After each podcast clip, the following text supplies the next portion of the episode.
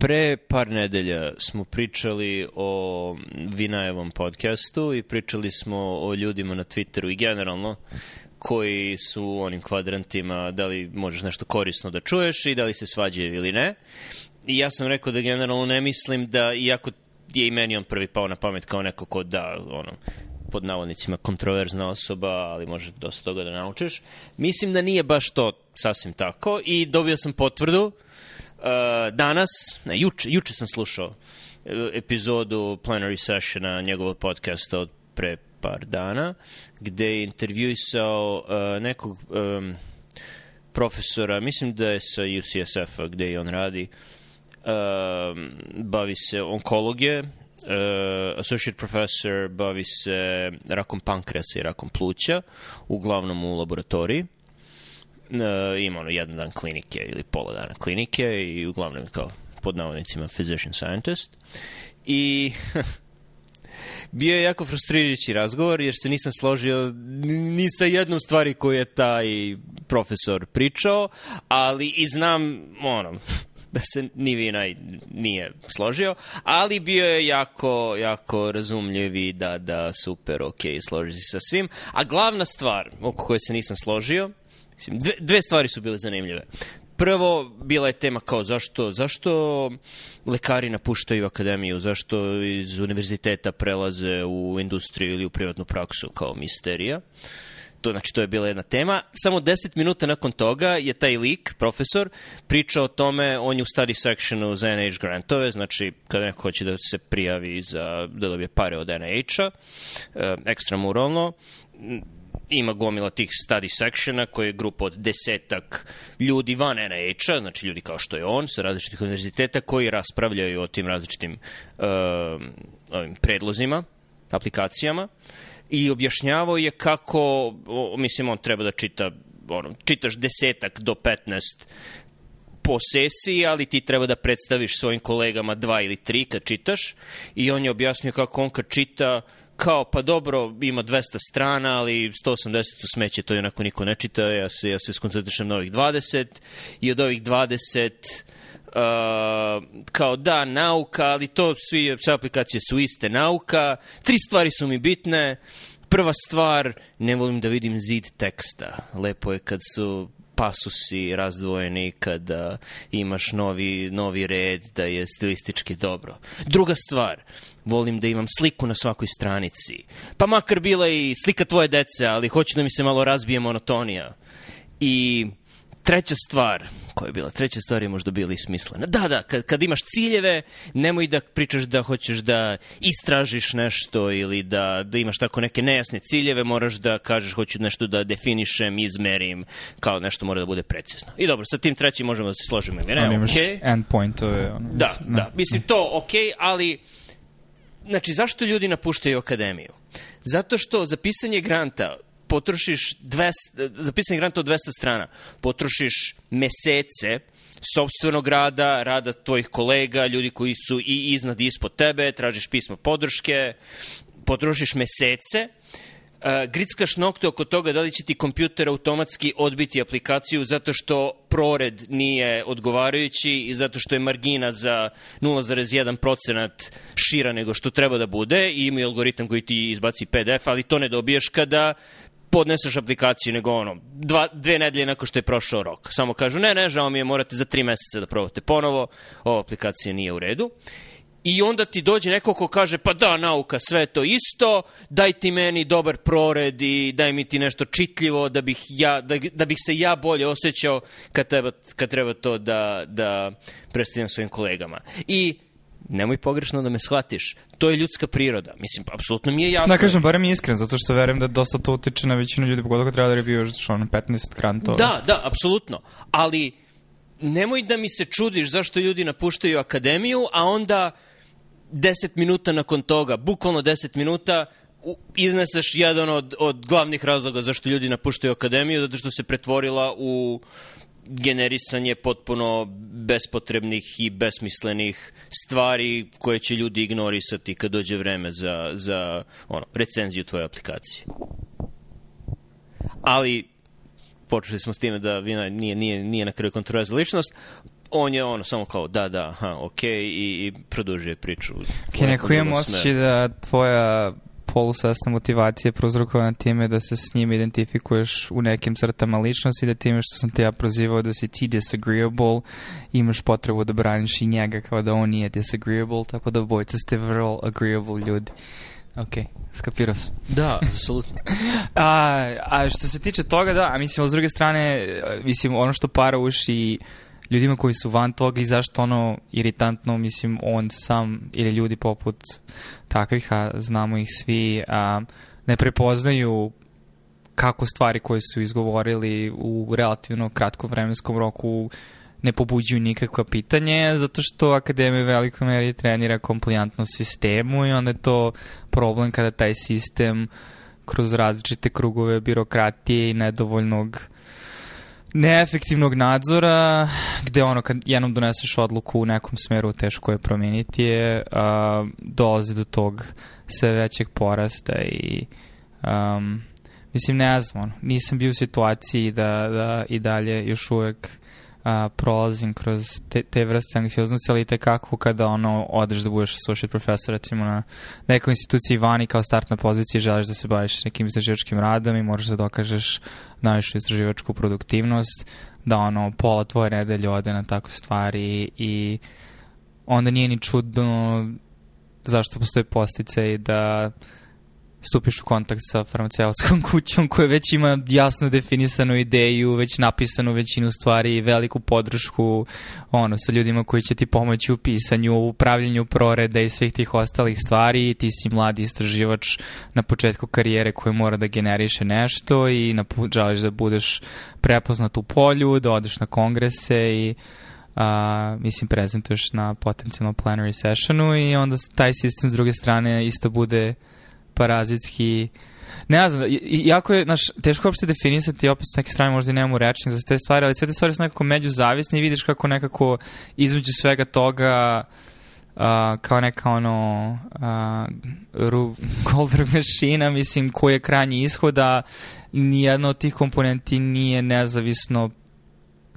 mislim kada racionalno pogledaš, mislim, ono kao deo nečije loše namere ili uh, što eto neko voli da se življava nad ljudima, svi misle da radi svoj posao i možda nešto bi se dovezalo to na onaj članak koji sam podelio s tom, ne znam, prošle nedelje, rekao se, čito je naš koncept, eto nove reči u rečniku, ono, kako je bilo, blank face. Uh, da je blank face osoba najčešće, i mislim da će ljudi iz Srbije te kako prepoznati na što se to odnosi, jer je to neki tvoj tvoj default mod kad interaguješ sa ljudima iz različitih institucija u Srbiji na svim nivoima je interaguješ sa blank face-ovima, tako da prvi put kad sam došao ovde i kad je trebalo da on, pozovem konsult iz kardiologije da sam se tresao, da sam mislio da neko viče na mene i da sam, a ne, hvala, da, vidjet ćemo pacijenta kao stvarno, kao vam treba. I kao onda shvatiš, aha, ok, ljudi imaju postice druge vrste u smislu prave pare, ali um, koncept, znači osobe koja često je vratar do nečega što tebi treba um, i inverzi, ono, što si, mislim, koliko si blank face je uh, in, inverzivno, in, inverzno, inverzno, da. A, znači, jedan kroz n, jedan obrnuto proporcionalno. Da, skaž, da kažem, inverzni proporcionalno su reči, znam da se stvara, da, jedan kroz n. A, tome koliko je neko spreman da uloži ljudskost i ljudskog truda i stvarnog razumevanja situacije, pogotovo u situaciji kada postoje pravila koje su tu samo zašto su tu.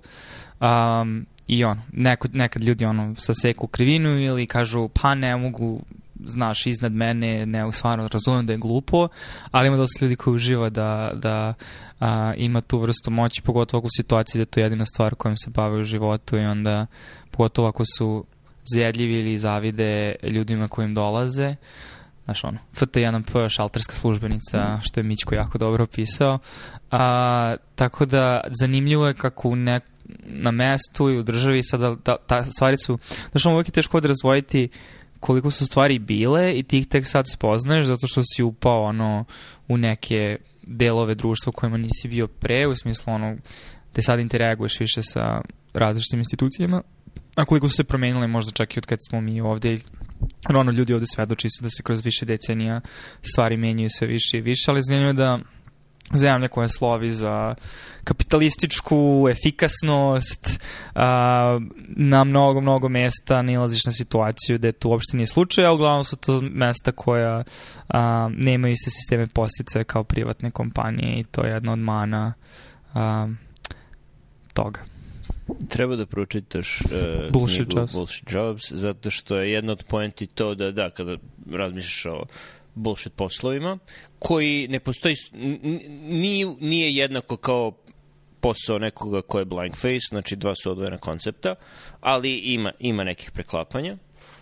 Uh, ljudi prvo pomisle na ono, državnu birokratiju, jer da, naravno, da oni izmišljaju poslove čisto da bi ljudi radili, ali ne, i u privatnim firmama ima dosta bullshit poslova i u privatnim firmama ti pomisliš da će biti efikasni, ali ljudska priroda je ljudska priroda, šefovi vole da imaju puno puno podređenih, tako da će zaposliti podređene da vrte palčevima, čisto da bi rekli imam 20 ljudi ispod sebe. Uh, ima teritorijalnosti, ima, ako ima, ako ima do, ako postoji dovoljan broj ljudi u nekoj organizaciji, ta organizacija će se pretvoriti u vizantijski dvor.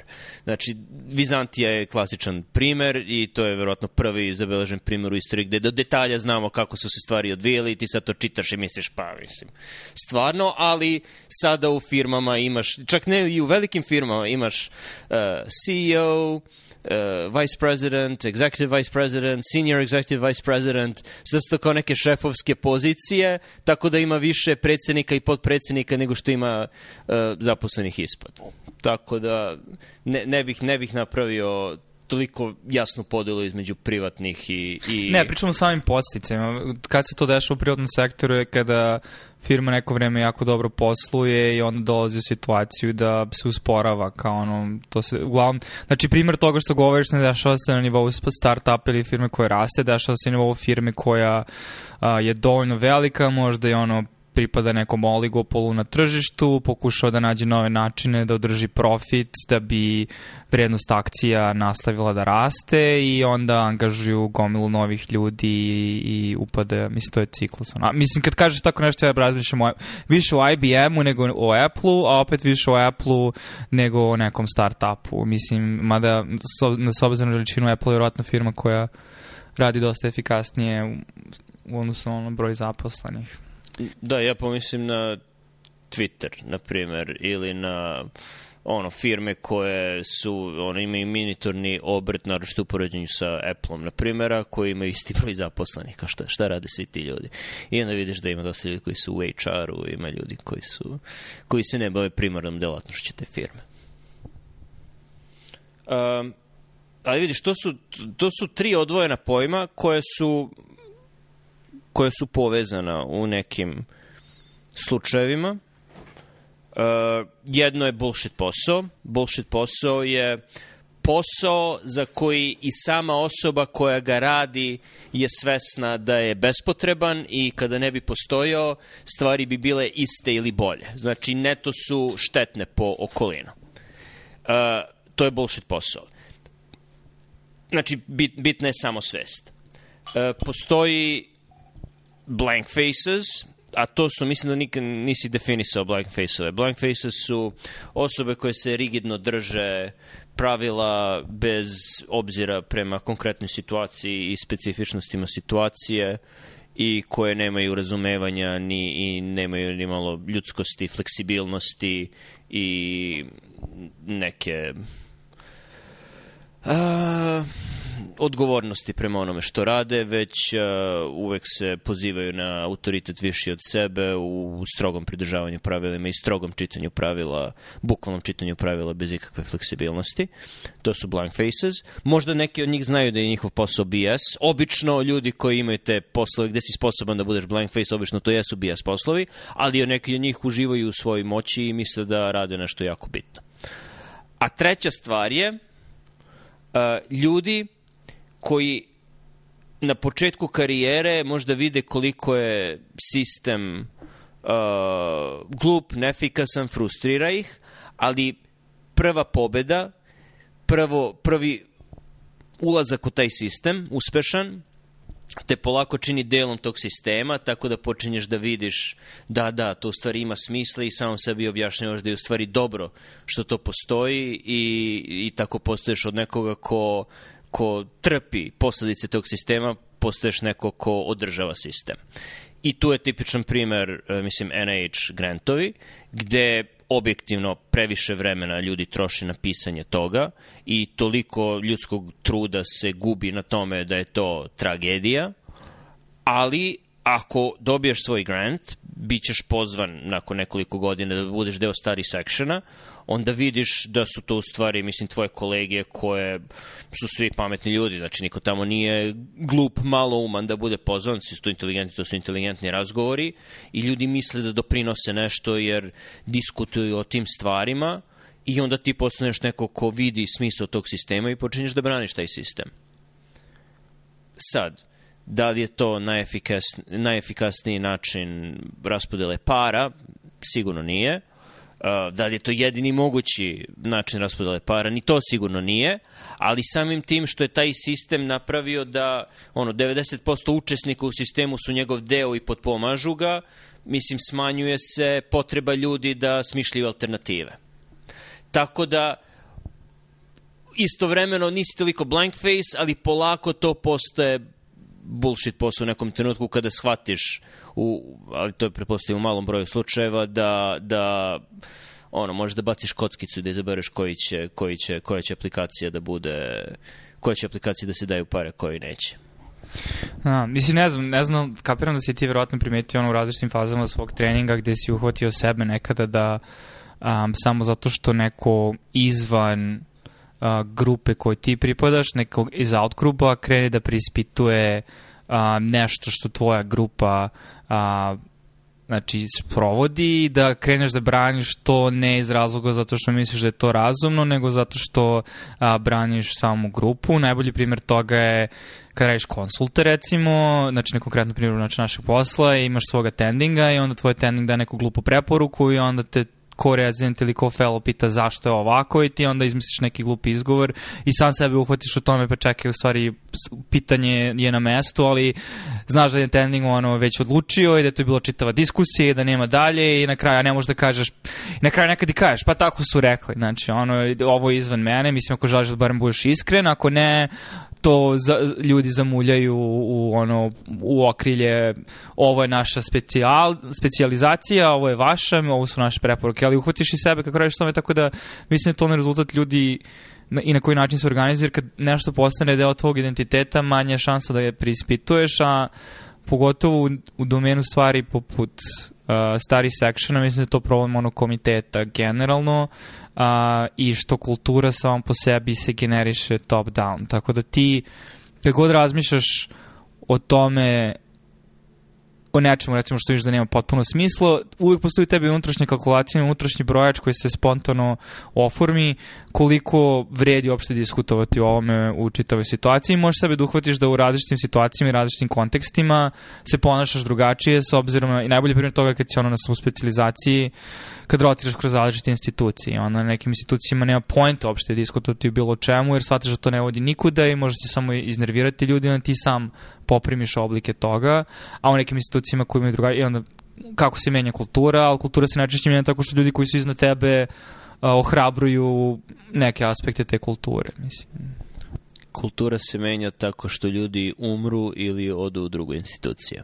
Tako da uh, one institucije koje imaju uh, dugotrajnu kulturu koja se sporo menja, to su obično institucije gde ljudi rade ono, po 10, 20, 30, 50 godina, Hopkins pada na pamet, gde ljudi bez problema tamo završe ne toliko med school, ne toliko faksa, ali dođu na specializaciju, završe subspecializaciju, uh, nastave tamo da rade i tako osnovno 30-40 godina i to je mesto koje ima kulturu koja se ono nije menjala stoji nešto godina.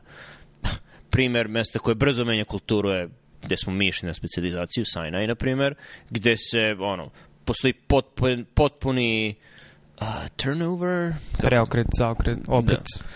Potpuni obrt svih zaposlenih u roku od ono 5-6 godina. Menjuju se specializanti, menjuju se attendancy, sve se promeni i sad kad bismo nas dvojica tamo otišli, da li bi bilo šta ostalo nečega što pamtimo, sumnjam. Menju znači, se program direktor. Da, pro, sve, sve se menja. Znači ima malo, možda, možda ima ono 5% attendinga i to je mesto koje ima ono kratku kulturu ili što bi su rekli, nema kulturu. Ili kultura je ono što zatekneš kad tu dođeš, da, efemerno. Uh, Tako da da, mislim, mislim da se generalno menja smrću i, i ostavkama, a ne toliko... Možda ne samo kultura, nego kapacitet za promenu kulture. A, možda to malo preciznije. Ali da, i onda ti ni ne čudi zašto se u akademiji kada uh, je ono, jednom kada uđeš, ušao si i ostaješ tu i ostaješ tu do kraja karijere i što si stariji, to si konzervativniji i sve si više if it ain't broke, don't fix it.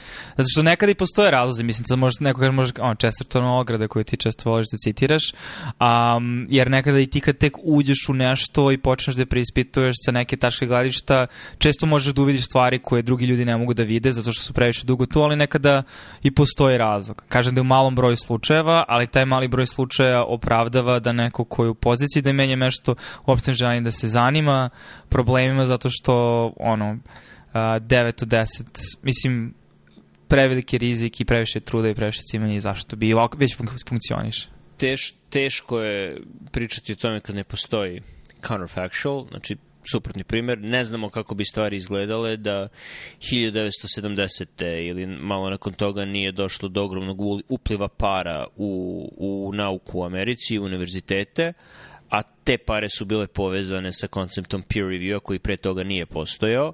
Znači, pre 1970. ti si profesor na nekom univerzitetu i ti tebi univerzitet da pare, znači to ti je glavni izvor za tvoje istraživanja i ti možeš generalno da radiš šta god hoćeš.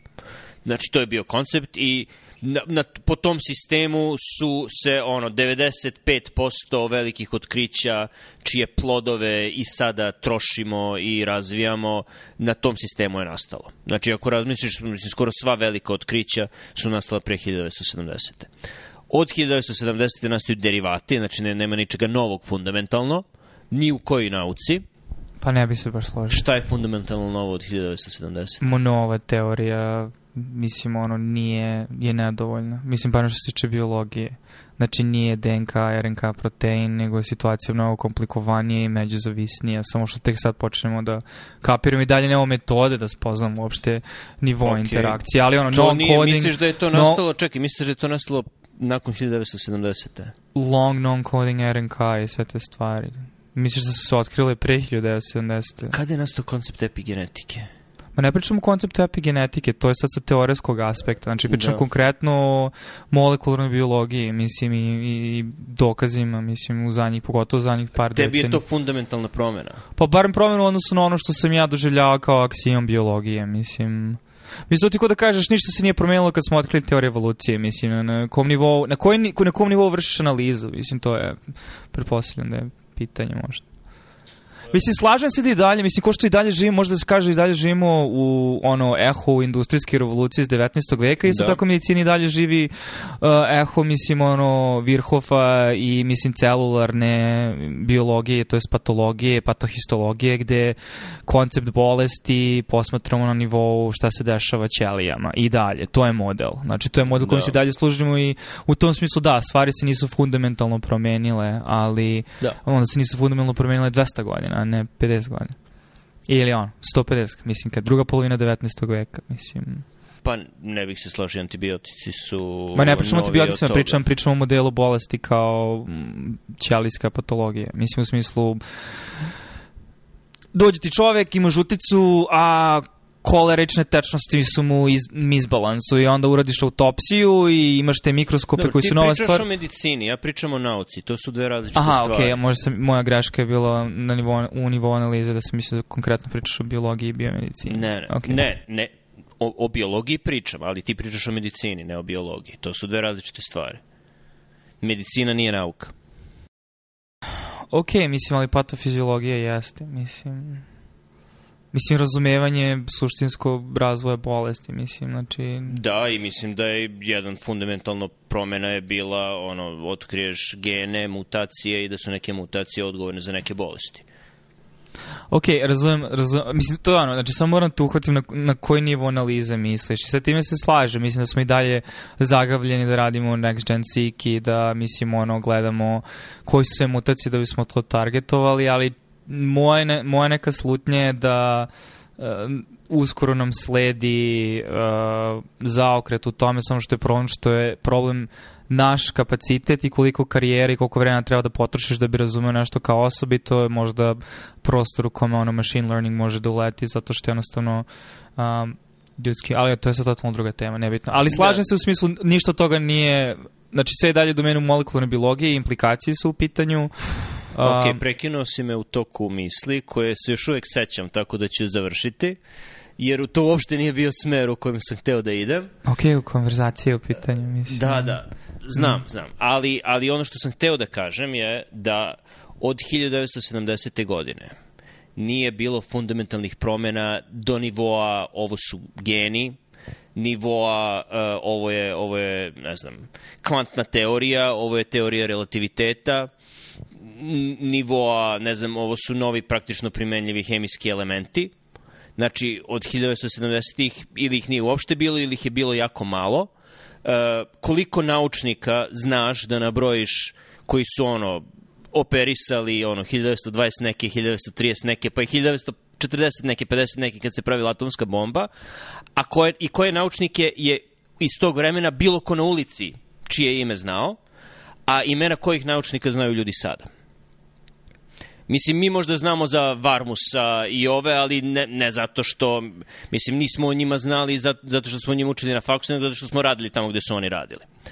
E, znači, a, a nije to zato što su, ne znam, narod je bio toliko obrazovani 930 neke, pa je zato pamtio naučnike, ne, nego su naučnici pravili mnogo veće promene u životima ljudi, Tako da su ljudi pamtili njihova imena. Hej, ovaj čovjek je otkrio penicilin, dete će sada da mi preživi. Zapamtit ću svakako njegovo ime nije bilo otkrića tog nivoa od, ono, od, dru, od druge polovine 20. veka ili kaže 70-ih pa na ovam. Okay. Um, treba, treba mi dobar izraz na srpskom za pushback, zato što je ti fin način da kažeš slaže se s tobom u velikom obliku, ali postoje domeni u kojima se ne slažem. Mislim, ne mislim da su te dve stvari međusobno apsolutno zavisne, možda postoji neki nivo zavisnosti, ali deluje mi da argument koji praviš isprema ako grešim da a, trenutni sistem naučni kako funkcioniše finansiranje nauke i čitavo ustrojstvo, naravno da je problematičan, ali deluje mi da kažeš da je jedan razlog je zašto onda da imamo neki drugi, ajde ovako da kažem, da li misliš da ako imamo neki drugi sistem koji je u nekom obliku, ja ne znam kom, verujem da ni ti ne znaš tačno kom, ali da imaš ideje, neke od njih su, hajde da prestanemo da radimo stvari koje nemaju smisla i gube vreme i pare, um, i s tim se slažem, ali da li veruješ da u tom hipotetičkom sistemu bismo imali mnogo više ono, household imena, ljudi da. koji otkrivaju stvari? Bez okay. sumnje. To je ono što nisam skroz siguran i ne, nemam, nemam pretrno čvrsto uh, definisati stvarno tu temu, ali ono što me... Mislim, zašto mislim da možda nije u potpunosti razlog za to je jednostavno zato što možda i postoji nivo komplifi... mislim, povećano, koliko vremena ti treba da provedeš kao individu i koliko znanja treba da stekneš da bi počeo da istražuješ nešto novo. To nema, a da je to tačno, to bi samo značilo da ljudi o kojima čujemo, koji su poznati, nemaju 30 nešto godina, nego mi 60 nešto godina.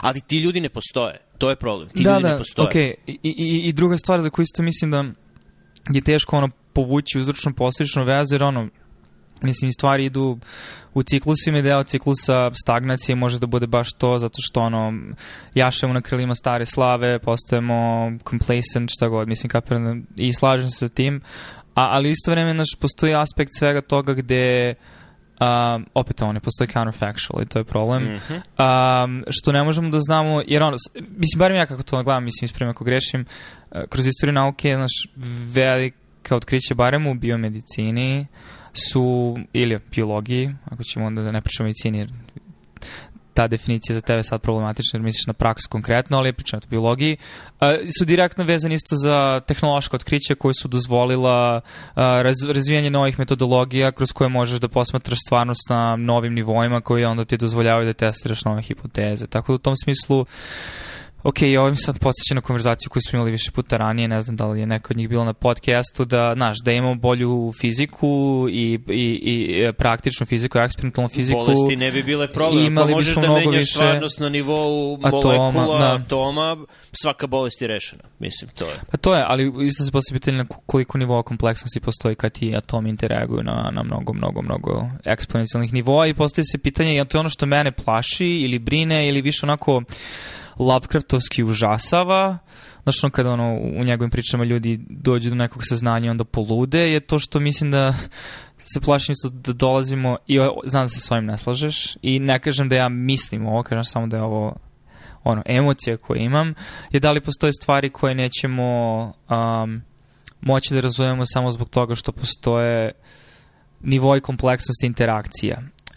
Da napravim samo kontraargument za sebe pre nego što ga ti napraviš, stvari koje smo natrali da malo pomerim kazaljku je recimo ovaj David Deutsch Beginning of Affinity, mislim jedna od sposobnosti ljudskog mozga je konstantno Znači, ako ništa drugo, mnogo smo plastični i sposobni da smišljamo objašnjenja, koji su uglavnom priče i narativi i uvek su aproksimacije stvarnosti, nikada nisu apsolutna stvarnost i apsolutna stvarnost se nikada neće ni moći dostići zato što je beskonačno kompleksna, ali ono što možemo je da budemo sve bolji i bolji i stepenicu u stepenicu, tako da dokle god je tvoja, tvoj model, da tako kažem, koji tvoj mozak može da razume a dovoljno dobar da možeš da predvidiš šta će se desiti u fizičkom prostoru, ne moraš da razumeš, mislim, ono, 300.000 nivoa kompleksnosti ili komplikovanosti, sad sam zaboravio konverzaciju, a, koji onda eksponencijalno povećavaju broj, ono, mislim, potencijalnih mogućnosti, ako razumem što hoću kažem. Ali tako da, ali da, mislim, hoću kažem samo delimično, mislim da možda smo u ovoj stagnaciji zato što još nismo skapirali kako sada da izađemo iz ovog modela jer je on krenuo toliko dobro da ide i